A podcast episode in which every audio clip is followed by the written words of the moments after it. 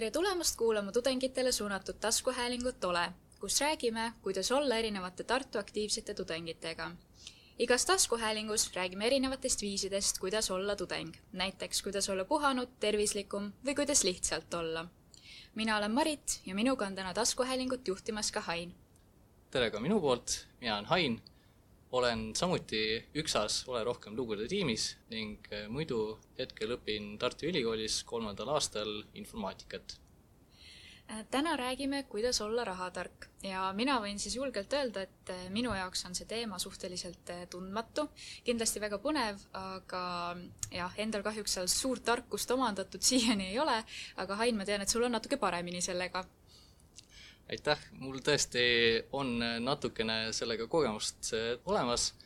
Alustatud sai seal umbes seitse-kaheksa aastat tagasi, vaikselt äh, teemadega lihtsalt kokku puutudes,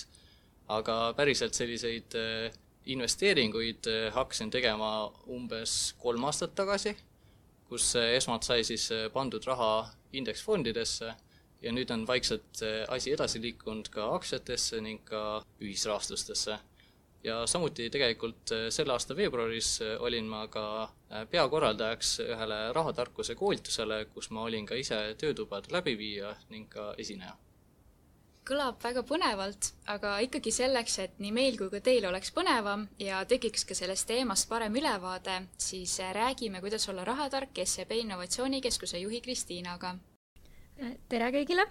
mina olen Kristiina ja tõepoolest, nagu juba eelnevalt mainiti, siis mina juhin SEB Panga Tartu Innovatsioonikeskust.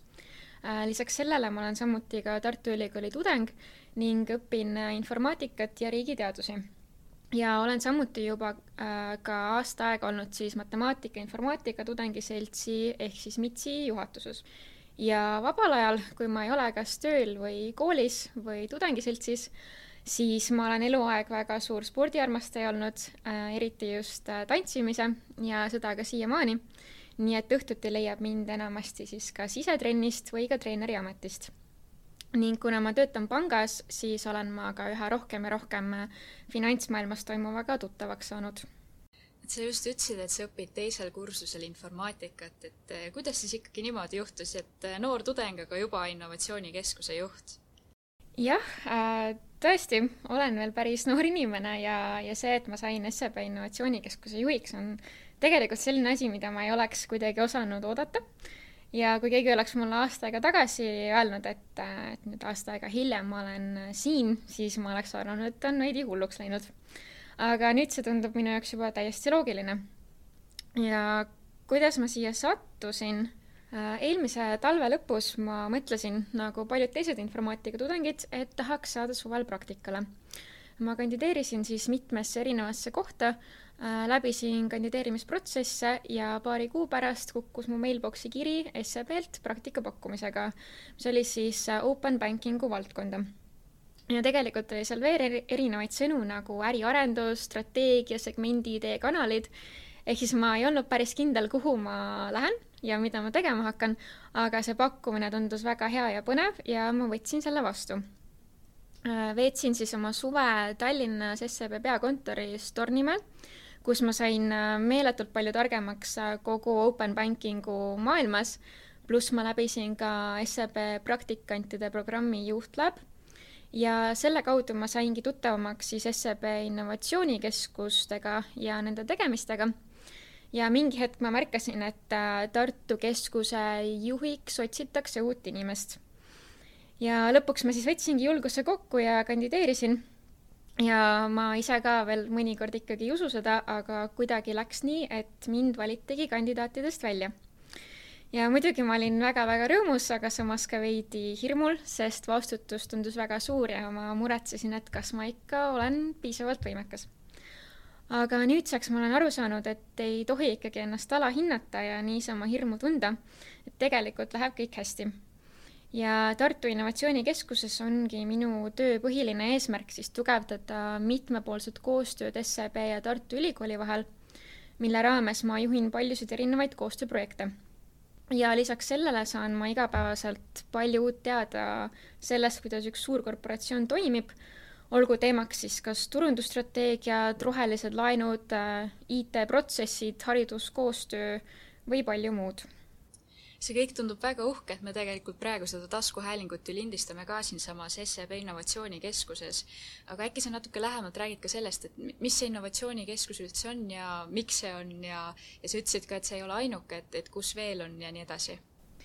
jaa äh,, SEB-l on äh, Baltikumis nüüd kokku äh, neli innovatsioonikeskust. esimene loodigi Tallinnasse, nüüd on siis kõige uuem Tartus äh,, siis üks on veel Riias ja üks on Vilniuses ja innovatsioonikeskused äh, sündisidki mõned aastad tagasi sellest ideest, et SEB kui suurkorporatsioon vajaks rohkem innovatsiooni, mis toimuks nagu kiiremini. ja see kogu protsess algaski siis firma enda seest, et hakati oma töötajatega tegema selliseid innovatsioonilaboreid, kus võetigi mingid teemad ette ja lastigi oma töötajatel leida selliseid uusi innovaatilisi lahendusi ja läbi selle saadi aru, et tegelikult innovatsioon on väga-väga oluline ka suurkorporatsioonile, et see ei ole ainult mingi startup'ide teema. ja kuna SEB väga väärtustab uusi ja huvitavaid ideid, siis ongi just panustatud sellistesse innovatsioonikeskustesse, kus siis aidatakse kõiki neid ideid ellu viia, äh, mis aitavad siis SEB-d äh, äh, nii firmasiseselt kui ka siis firmaväliselt meie kliente, siis nii erakliente kui ka erinevaid ettevõtteid Vau, see on täiega lahe tegelikult. Äh, ma nüüd haaraks ühelt, ühest varasemast asjast kinni, mis sa enne mainisid, et äh, sa oled ennast järjest rohkem viinud kurssi sellesama finantsmaailmaga, kus sa nüüd töötad ja siis sellega ma tahakski tuua sind nüüd äh, meie tänase teema fookuse juurde ja räägiks esmalt siis raha hoidmisest ja säästmisest. ja kõige esmalt võikski tegelikult arutada seda, et mis on üldse selle kogumise ja säästmise eesmärk et mille jaoks üldse inimesed võiksid seda nagu teha? no minu jaoks on äh, raha kogumisel äh, mitmeid eesmärke, aga ütleks, et põhilised ongi selline kindlustunne ja ka enesedistsipliin. aga noh, ma ei mõtle igapäevaselt nendele eesmärkidele, vaid pigem kogumine ongi minu jaoks lihtsalt juba väga sisse harjunud äh, tegevus ja enamasti ma ei kogu millegi kindla jaoks ja ma ei sihi mingit teatud summat, et noh, et kui ma selle siis äh, kokku saan, et siis ma kulutan äh, selle raha millelegi ära, vaid pigem mulle meeldibki see, et mul on olemas selline stabiilne tagavara, et kui mul peaks tekkima mingi suurem soov või vajadus midagi osta, et siis ma saaks seda rahuliku südamega teha. ja muidugi ka osa sellest on siis investeerimine pikemas plaanis ma näen ka kindlasti, et ma kogun raha ka selleks, et kunagi endale näiteks auto või isiklik kodu osta. ja ma arvan, et ka sellised eesmärgid äh, võiksid iga noore inimese jaoks pikemas perspektiivis äh, meeles olla. ma olen tegelikult sellega täiega nõus, sest äh, ma ise nagu, minu jaoks on see raha hoidmise, säästmise ja ka tegelikult investeerimise eesmärk jõuda sinna tasemele, kus ma olen finantsiliselt vaba ehk siis äh, selline passiivne tulu on mul võrdne või kõrgem pass-, nendest passiivsetest kuludest. ja seda ma, nagu seda ma sihin puhtalt sellel eesmärgil, et ma tean, et siis mul on lihtsalt kõvasti madalam selline stressitase, et äh, ma ei pea muretsema selle pärast, et kas ma päriselt nagu kuu lõpus saan enda kõik arved makstud. ja see tõesti vastab ka sellele, mis sa ise nagu kirjeldasid, et äh, et ongi selline stress on selline üks peamisi asju, mida ma näen, mis ongi selline eesmärk, et õigemini stressi mahendamine on see peamine eesmärk, mille poole paljud nagu püüdlevad. aga see on jah positiivne, et sa oled selle teinud endal selliseks rutiiniks see kõlab nii põnevalt, et te mõlemad olete kuidagi sellega nii tegevuses pidevalt, aga võib-olla küsikski teie mõlema käest, et kas teil on nagu mingeid nippe, mida ka nagu tudengid, kes tahaks võib-olla nüüd kohe alustada, saaksid kasutada, et noh, et nüüd mina tahan hakata hoidma ja säästma, et mina tunneks ka, et mul on tulevikus niisugune vabadus, et äkki te mõlemad tahate midagi välja tuua, et Kristiina, äkki sa alustad? jaa, esimene asi, mida ma ütleksin kohe, on see, et äh, pole kunagi valet hetke, millal alustada ja see on kindlasti vale arvamus, et äh, noh, et mul ei ole võib-olla liiga suurt sissetulekut, et siis ma ei saa alustada. tegelikult äh, tulebki kõigepealt hakata panema kõrvale selliseid väikseid summasid. kui ma olingi mingi põhikooli õpilane, siis ma paningi noh, paar eurot kuus kõrvale, aga sellest tekib juba tegelikult see harjumus ja distsipliin. ja siis vaikselt saab selle pealt elu jooksul väga hästi ehitada üles seda harjumust ja, ja ma arvan, et see harjumus ongi tegelikult oluline, et sa suudad endale öelda, et näiteks, et ei, ma ei tee seda emotsiooni ostu, vaid ma mõtlen oma kulutused läbi ja, ja ma pean sellist plaani selle üle, et kuhu ma kulutan ja mis mu eesmärgid on. ma olen ka tegelikult väga nõus selle sama harjumusega, harjumuse osaga, et äh, minu sellised kaks põhilisemat mõtet oligi see, et esiteks teha ja jälgida eelarvet, mis äh, nõuab mingil määral tõesti distsipliini, et sa päriselt nagu seda jälgiksid, ennast nagu pidurdaksid, kui sa oledki nagu mingite asjadega natukene üle minemas ning teiseks, mis mulle on soovitatud, on see, et eh, panna raha kõrvale kohe, kui sa selle kätte saad. et siis sa nagu vähendad seda võimalust, et sa üldse kulutad selle raha ära. et kui sa kohe alguses paned selle kõrvale, mõttes nagu lõikad selle enda jaoks välja, et sa seda ei kuluta, siis see, see on vähem tõenäosus, et sa päriselt ka selle, seda käppima hakkaksid no ma olen ise tähele pannud, et ilmselt jääbki kõik just selle järjepidevuse taha, et ük, üks hetk nagu justkui kogud midagi, järgmine hetk noh, enam ei kogu. et, et kui pikalt teil võttis aega see, et nagu seda harjumust üles ehitada? mina siinkohal nõustuksingi jälle Hainiga, et äh, väga hea on selline tava, kui sa panedki midagi kohe kõrvale, kui sa selle raha kätte saad ja näiteks väga lihtne viis, kuidas sellist harjumust üles ehitada, ongi see, kui sa teed endale püsikorralduse, märgidki näiteks, et iga kuu kolmekümnendal lähebki minu pangakontolt mingi summa näiteks minu kogumiskontole ja siis äh, sinu pank põhimõtteliselt harjubki, aitabki sul juba seda harjumust üles ehitada. kuna mina kasutan väga selliseid äh, meeldetuletusi, to-do liste ja värke, siis äh, ma olengi lihtsalt äh, sellise regulaarse meeldetuletuse endale tekitanud, et äh, selle perioodi lõpus tulebki mulle teade, et okei okay,, nüüd vaata kõik need asjad üle, analüüsi läbi ja siis seda ma ka teen, sest ma olen varasemalt otsustanud, et seda meeldetuletust tuleb jälgida. aitäh nippide eest, eks ma, eks ma pean siis edaspidi hakkama ka proovima ennast selles vallas äh, parandada Kristiina, üks asi, mis sa välja tõid, on see, et, et teed kuu lõpus just need püsikorraldused, aga äkki sul on veel mingeid tööriistu või midagi, mida sa sooviksid seoses selle kogumisega jagada? jaa üks asi, mida ma kindlasti soovitan, on see, et äh, kui inimene tahab endale raha kõrvale panna või koguda, et ta hoiaks seda siis oma peamisest pangakontost eraldi. Sest kui sul on see kõik raha ühe konto peal koos, siis sa vaikselt nagu kulutad seda ära ja sa ei märkagi, et mis sul seal võib-olla täpselt toimub. aga kui sul ongi tehtud eraldi konto, mida sa kasutadki siis näiteks kogumiseks, investeerimiseks, siis seda on palju lihtsam hallata, on äh, olnud minu kogemus. Äh, samuti, mida mulle veel meeldib kasutada, on äh, erinevaid selliseid äh, finantsplaneerimistööriistu on olemas, näiteks SEB Internetipank pakub rahapäevikut, mis siis ongi selline tööriist, mis kategoriseerib su kulutused ära ja samuti saab siis seal seada endale igakuised eesmärgid, näiteks et kui palju ma tahan kulutada väljas söömisele ja siis iga kuu ta näitab sulle, et kas sa ületasid oma soovitud summat või kuidas sul läheb, et sealt on väga hästi võimalik ennast nagu jälgida samas ka distsiplineerida, et näha, et et millised su finantsseisud siis päriselt on. Aga selliste tööriistade kasutamine on kindlasti harjumus, mis tuleb endale luua. Ja siinkohal ma ütleksin, et esimene kõige olulisem asi ongi see, et inimesel peab olema see mingi soov ja eesmärk, miks ta tahab oma finantse jälgida ja planeerida. Ja kui seda pole endale tehtud, et miks sa päriselt tahadki seda jälgida, siis on tegelikult üpriski raske mingit harjumust luua. ma ise kasutan ka tegelikult sedasama äh, rahapäevikut ja siis äh, see ongi tegelikult nagu tohutult mugav tööriist, sest see sinu pangatehingute põhjalt juba arvestab, et äh, kuhu see või mis kategooriasse see kulu siis nagu läks, et kas äh, poes teed, maksad seal ostude eest, siis see lähebki nagu toidu kategooriasse, aga kui sa ostad, ma ei tea, enda auto jaoks bensu, siis selle, nagu see läheb automaatselt selle transpordi kategooriasse, et see on minu jaoks, kuna mina teen lisaks sellele veel ka selliseid suuremaid Exceli tabeleid, sellesama rahapäeviku kasutamine teeb seda kõvasti nagu lihtsamaks ja mugavamaks Te praegu mõlemad ütlesite nüüd, et te kasutate seda päevikut, aga mul tekkiski kohe küsimus, et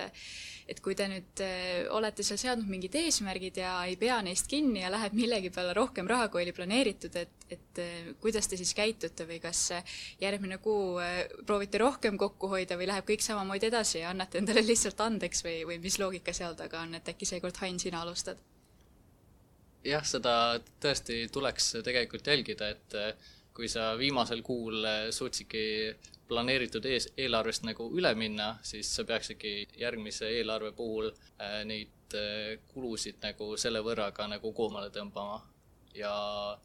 noh, mõne, mõne asja puhul see tõesti väga ei saa, et kui sa nagu üüri sa ennast endal väga palju väiksemaks ei saa tõmmata, aga see-eest ongi, et äh, mingit väljas söömist ja muid asju. et see, ma ütleks, et üldiselt, kui nagu eelarvest üle minnakse, siis see ongi selliste impulssostude pealt Äh, tehtud, et siis äh, neid tegelikult saab väga hästi kontrollida ja seetõttu neid saab ka tegelikult nagu allapoole tõmmata. no eks seal on ka ilmselt äh, see harjumuse küsimus hästi suur, aga Kristiina, mis sina arvad? ma arvan, et see oleneb mingil määral kindlasti inimese iseloomust, et kui sa oled selline inimene, kes neid impulssoste teeb, siis on kindlasti rohkem võimalik nii-öelda tagasi tõmmata. aga selleks peab taaskord tahtejõudu olema samas ma tean, et ma ise väga selliseid impulssoste ei tee, ehk siis kui ma näengi, et ma olen äh, mingis kategoorias läinud oma eelarvest üle, siis ma vaatangi täpselt ära, et äh, mis need kulutused olid, äh, kas need olid tõesti vajalikud,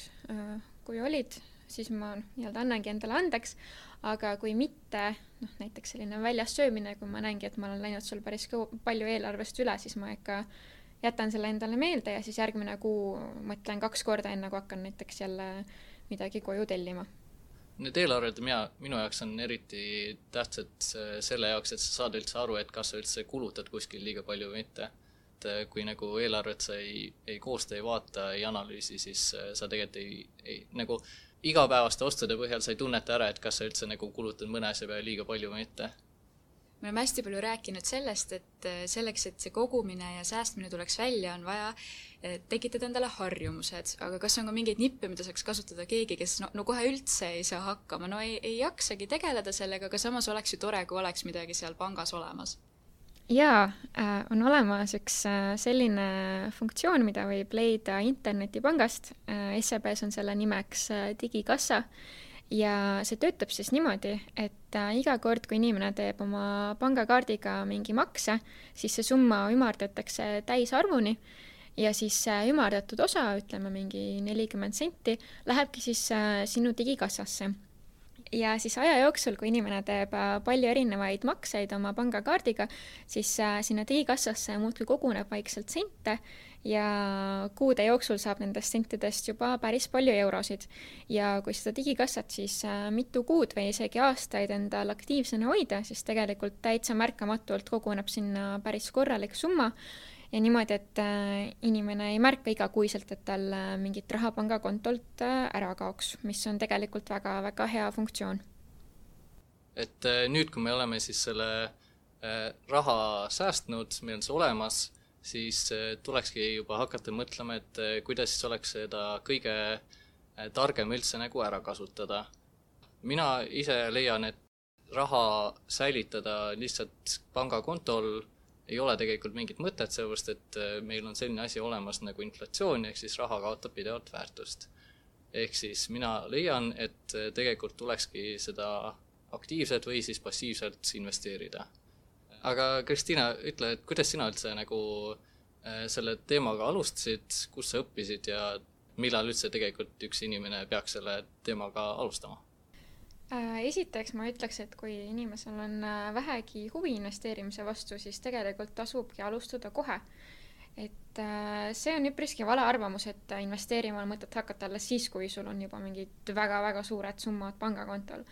Äh, et jah, nagu Hain mainis, meil on olemas inflatsioon, ehk siis raha kaotab oma väärtust, ehk siis ei ole mõtet teda niisama kuskil pangakontol või sukas ääres koguda,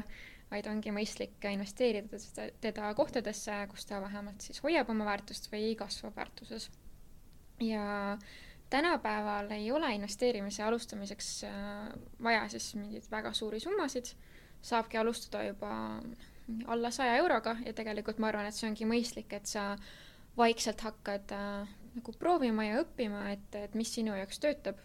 Samas kui, kui inimene mõtleb, et ta hakkaks investeerima alles siis, kui tal on ütleme, kümme tuhat eurot valmis, aga ta veel ei tea investeerimise kohta väga palju, siis võib ju tegelikult väga halvasti minna äh,. mina ise hakkasin ka investeerimise kohta rohkem uurima mõned aastad tagasi ja enne seda mul oligi selline eelarvamus, et, et see asi ei ole mulle, sest et mul ei ole veel äh, mingeid suuri summasid, aga tegelikult siis lugedes erinevat äh, materjali internetist, äh, vaadates erinevaid videosid, kuulates podcast'e, sain ma aru, et väga võimalik on ka noore inimesena alustada just selliste väiksemate summadega ja et tegelikult äh, võimalusi on äh, väga palju erinevaid. et nagu ka Hain äh, mainis, et saab kasutada nii aktiivseid kui passiivseid võimalusi ja no vahe on siis põhimõtteliselt selles, et kas sa tahad, et su raha vaikselt ise koguks väärtust või sa oled valmis ka ise aktiivselt sellega tegelema ja näiteks tõesti igapäevaselt jälgima, et kuidas su investeeringud elavad näiteks kui inimesel on huvi investeerimisega alustada, siis äh, SEB-l on äh, valmistatud ka päris head materjalid, äh, mille leiab internetist e-õppekeskusest, mida SEB haldab koos Tartu Ülikooliga. Ja seal ongi siis kahte sorti investeerimiskursus, et esimene osa ongi siis täiesti algajale, kõik sellised põhitõed tehakse selgeks ja teine kursus on siis sellisele edasijõudnud investeerijale, kes soovib ikka keerulisemaid tehinguid teha ehk siis, äh, kui keegi tunneb investeerimise vastu huvi, äh, siis need äh, SEB videomaterjalid on kindlasti väga hea koht, kust algust teha ja põhitõed selgeks saada. Minu jaoks on olnud need peamised kohad, kus mina olen õppinud, ma alustasin tegelikult väga palju lihtsalt ka internetis lihtsalt hakkasingi guugeldama, et nagu tohutult palju on tegelikult neid artikleid, kus ongi beginners how to guide, abc üks null üks. Ja sealt ma lihtsalt, minu jaoks oligi algus selline nädal või kaks, kus ma üsnagi aktiivselt suvevaheajal lihtsalt lugesin igapäevaselt neid äh, artikleid lihtsalt selleks, et ma saaksin piisavalt sellist äh, julgust tegelikult, mugavust, et ma oleks nagu okei okay sellega, et ma panen enda raha sinna, nüüd pärast nagu nende materjalidega tutvumist saan aru, et mis mu rahaga siis päriselt juhtub. ja jah, et ma ütleks, et minu jaoks oligi tähtis just nimelt see algus, et ma üldse julgeks asjaga tegelema hakata. Nüüd, kui ma olen liitunud Tartu Ülikooli investeerimisklubiga, siis ma tunnen, et tegelikult need materjalid, mida investeerimisklubi siin Tartu Ülikoolis pakub, need loengud, need külalisesinejad, see kõik on tegelikult tohutult abiks täiesti algajale, aga neil on ka piisavalt materjali ka edasijõudnutele, et äh, ka nemad suudaksid ennast nagu veel paremaks teha selles valdkonnas üks asi, mis ma olen hästi palju kuulnud, on see, et, et täna on juba liiga hilja hakata investeerima, et õige aeg oli eile või eelmine aasta. et kuidas siis sellega ikkagi on, et kui ma nüüd ei ole alustanud, et siis ei ole nagu mõtetki või, või, või noh, et kuidas sellega siis ikkagi on? et noh, siin on selline tõlgendamise küsimus, et äh, kui see ütlus on, et viimane aeg oli eile, siis äh, see ei tähenda üldse seda, et nagu okei okay,, sa oled nagu rongist maha jäänud, mis teha, nüüd ela enda tagajärgedega. et äh, pigem olekski see mõte sealt, mida tuleks välja tuua, et kuigi eile oli võib-olla kõige parem aeg, siis nagu kui si-, siis ei hakanud sellega tegelema, siis nagu hakka vähemalt täna, sellepärast et kui sa praegu alustad kas või nagu lugemisega, nende materjalidega tutvumisega, siis sa jõuad tegelikult äh, väga kaugele just nimelt investeerimises, sest äh, raha kasv tegelikult ajas nagu järjest suureneb. Kristiina, kas sul on ka selle koha pealt mingi arvamus? ma olen Hainiga nõus, et äh, mina ütleks niimoodi, et äh, kõige parem aeg on alati praegu, mitte eile või homme, sest et ei olegi mõtet mõelda niimoodi, et äh, ah, mul jäi see tegemata või ma lükkan mingi asja hilisemaks, sest tegelikult niimoodi sa jäädki neid asju edasi lükkama või nagu taga nutma, et lihtsalt võta kätte, hakka pihta. ja sageli iga uue asja alustamise puhul on just see esimene samm kõige raskem. aga kui selle saad tehtud, et noh, kasvõi guugeldad, et kuidas investeerida ja hakkad vaikselt seda uurima, siis sa oled tegelikult juba palju lähemal selleni, et sa saadki targaks investeerijaks nüüd saime selgeks siis, et äh, täna võib ka ikkagi alustada, aga noh, et hästi paljudel on kindlasti ka see küsimus, et, et äh, raha ja investeerimine, et hästi palju seotud numbritega, et, et äh, et kui palju ikkagi peab üks inimene siis matemaatikat oskama, et, et reaalselt investeerimisega hakkama saada? Mina ütleks, et matemaatika ei ole seal põhiline ja ei ole üldse nii oluline tegelikult, et esiteks tänapäeval tavaliselt investeeritakse läbi selliste platvormide, mis teevad inimese jaoks kõik need arvutused ja prognoosid ära ja pigem ongi just oluline see isiklik teadlikkus, et sa tead, kuidas sa investeerid, millesse ja mis su selline strateegia on. jah, ma ütleks ka, et nagu sisuliselt tegelikult saab selle investeerimisega väga hästi tegeleda ka põhikooli matemaatikaga, sest selline kõige keerulisem tehe, mida sa päriselt pead oskama või mille, millest aru saama, on lihtsalt eh, protsendi arvutamine. et kui sa mõistad eh, protsente ja ka liitintressi kontseptsiooni, mis kumbki on nagu täiesti põhikooli tasemel nagu täiesti hoomatavad, siis, eh, siis nendest piisab sul tegelikult täiesti. mult on ka suht tihti küsitud seda, et no esiteks, et Hain, palun aita, aga teiseks, et mis on selline summa, millega üldse nagu alustada saaks. nagu sambaid või? või mida alustada, nagu investeerimist või sambaid nüüd? et mis summaga saaks alustada investeerimist. et äh, Kristiina, sa mainisid en-, enne, et äh, saab nagu üsnagi väikeste summadega ja ma tegelikult äh, omast kogemusest saangi juba öelda, et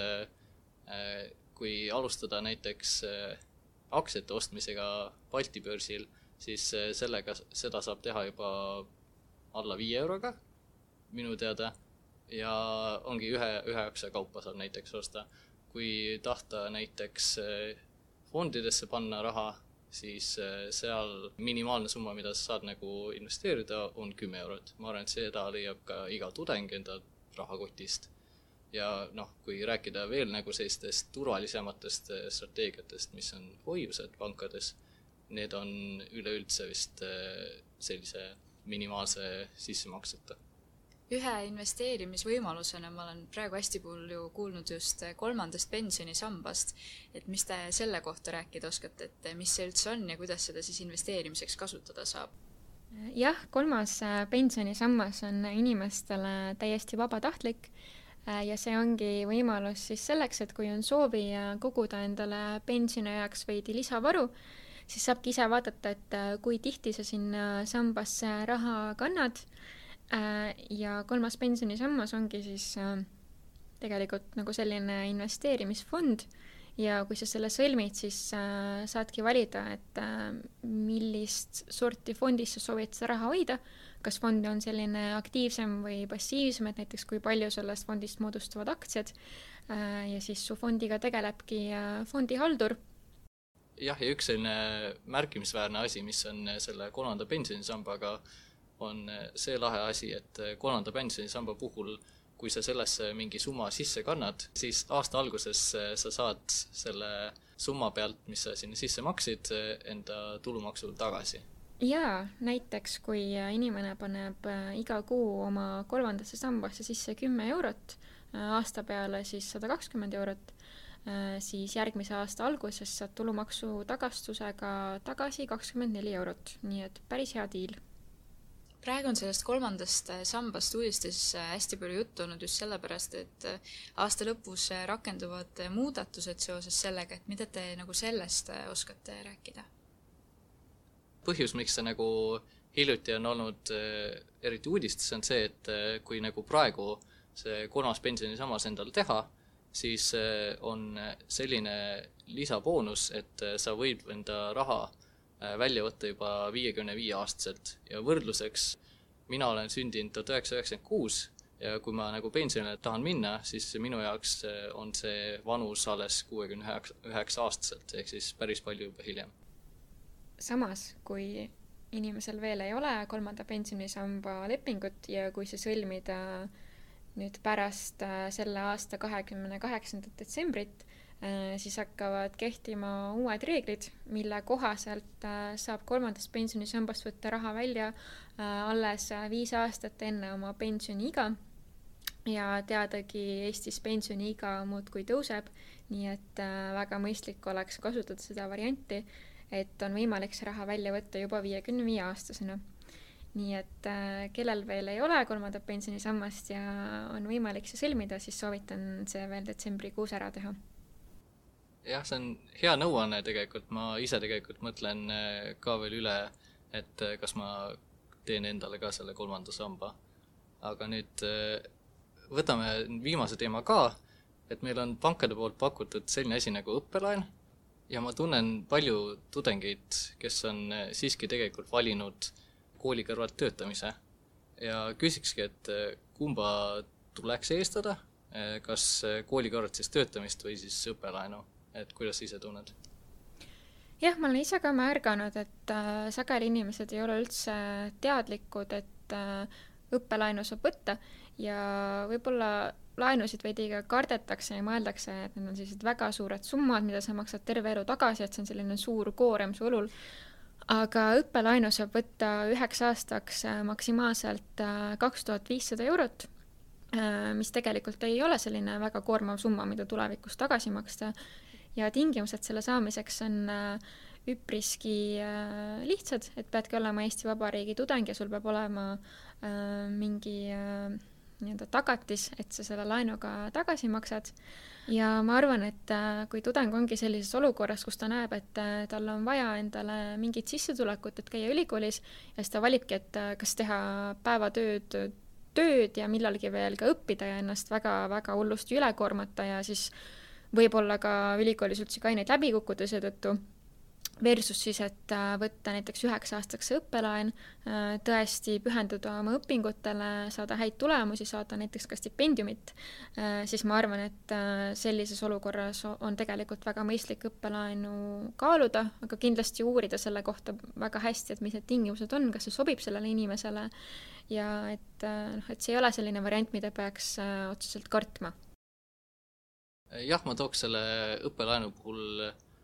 ka välja, et tegelikult see on natukene äh, erinev tavalistest laenudest, sellepärast et äh, selle puhul on tehtud selline lisand, et kui sa õpid, siis sa tegelikult intressi pead maksma ainult kord aastas, mistõttu sul tegelikult on võimalus suvel teha tööd ja siis selle arvelt juba sa saad nagu selle intressi ära makstud. Äh, ja nagu päriselt äh, igakuiselt pead hakkama seda intressi või seda laenusummat tagasi maksma alles siis, kui sa oled oma õppetöö lõpetanud. teine selline lisaboonus õppelaenu puhul on ka see, et tegelikult selle äh, laenu intress on üsnagi madal, et seal viie protsendi läheduses on ta praegusel hetkel. et kui ma siin interneti kalkulaatorites käisin mängimas, siis oli välja toodud ka see, et ühe aasta peale see lisasumma, mis sa maksad sellele algsele laenusummale, on selline kuuskümmend, seitsekümmend eurot.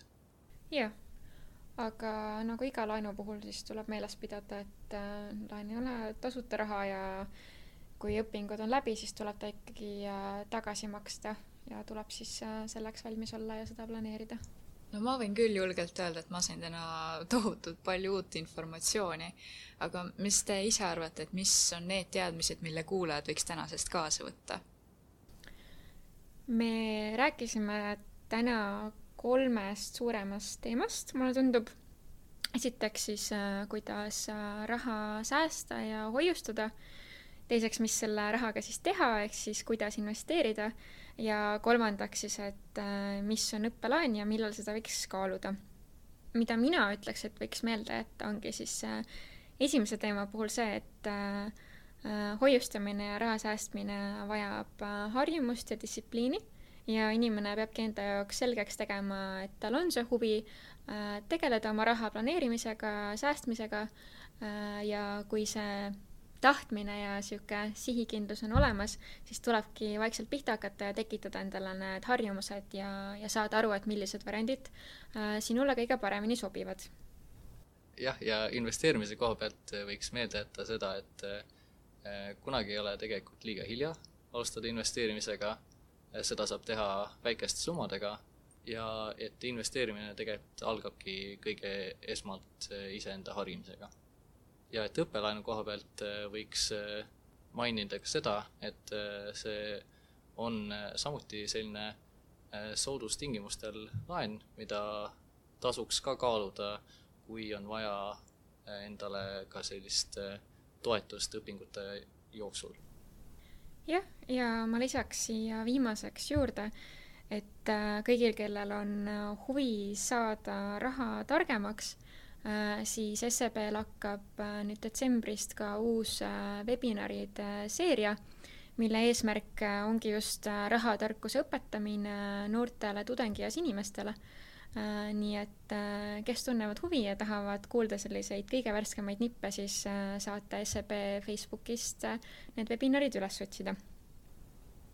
suur aitäh sulle, Kristiina, et sa täna meiega rääkima tulid ja kui teil juba eelmisest korrast on näiteks meeles, siis tegelikult lõpetuseks meil on veel üks lühike küsimus ja me küsime seda kõikidelt oma saatekülalistelt ja see kõlab siis järgmiselt. kuidas olla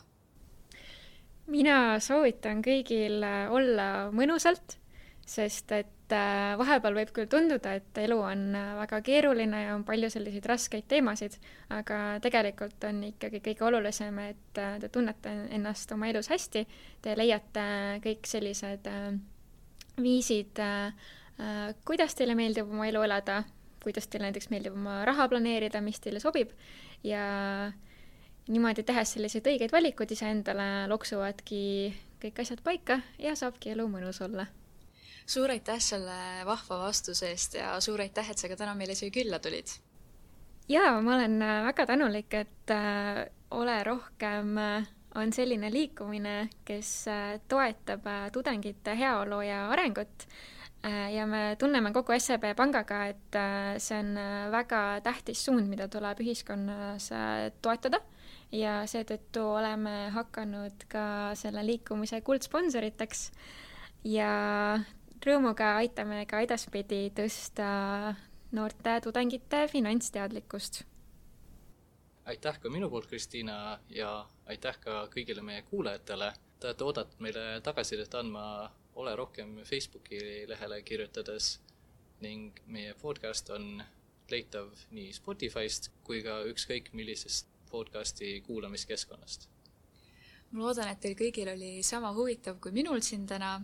ja ega muud ei olegi, kui tule ole koos meiega ka järgmisel korral. tšau!